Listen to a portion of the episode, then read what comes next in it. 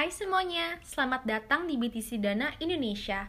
Perkenalkan nama saya Lili, presenter BTC Dana Indonesia. Hari ini, Kamis 16 Juli 2020, saya akan memberikan informasi pasar terup to date. Disimak ya.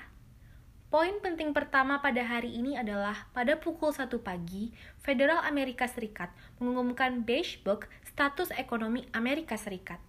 Pada pukul 8.30 pagi, Biro Statistik Nasional mengeluarkan laporan bulanan harga rumah 70 kota besar dan menengah. Pada pukul 18.15, Gubernur Bank of England Bailey berpartisipasi dalam sebuah acara. Pada pukul 18.45 malam, ada resolusi suku bunga Bank Sentral Eropa. Pada pukul 19.30 malam, ada konferensi pers Ketua Bank Sentral Eropa, Lagarde. Nah, setelah beberapa hal penting di atas, ada juga nih beberapa data penting pada hari ini. Yang pertama, pada pukul 8.30 pagi, ada data tingkat pengangguran Australia hingga bulan Juni. Pada pukul 9 pagi, ada data PDB tahunan kuartal kedua Cina. Pada pukul 13 siang, ada beberapa data nih. Yang pertama, tingkat pengangguran 3 bulan ILO Inggris pada bulan Mei. Yang kedua, tingkat pengangguran Inggris pada bulan Juni. Dan yang ketiga, klaim tunjangan pengangguran Inggris pada bulan Juni. Selanjutnya pada pukul 13.45 siang, ada data IHK bulanan Prancis pada bulan Juni. Pada pukul 16 sore, ada data neraca perdagangan zona euro pada bulan Mei.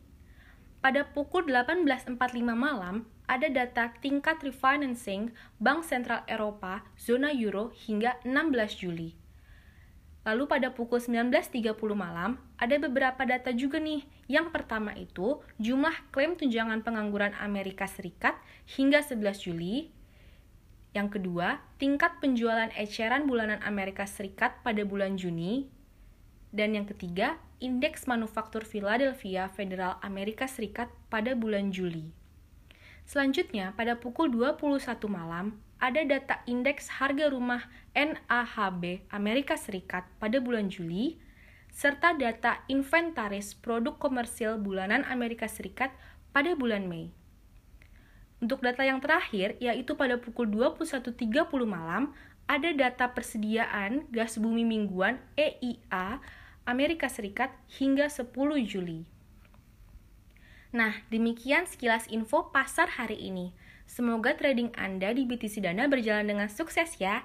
Sampai jumpa di podcast episode selanjutnya. Terima kasih.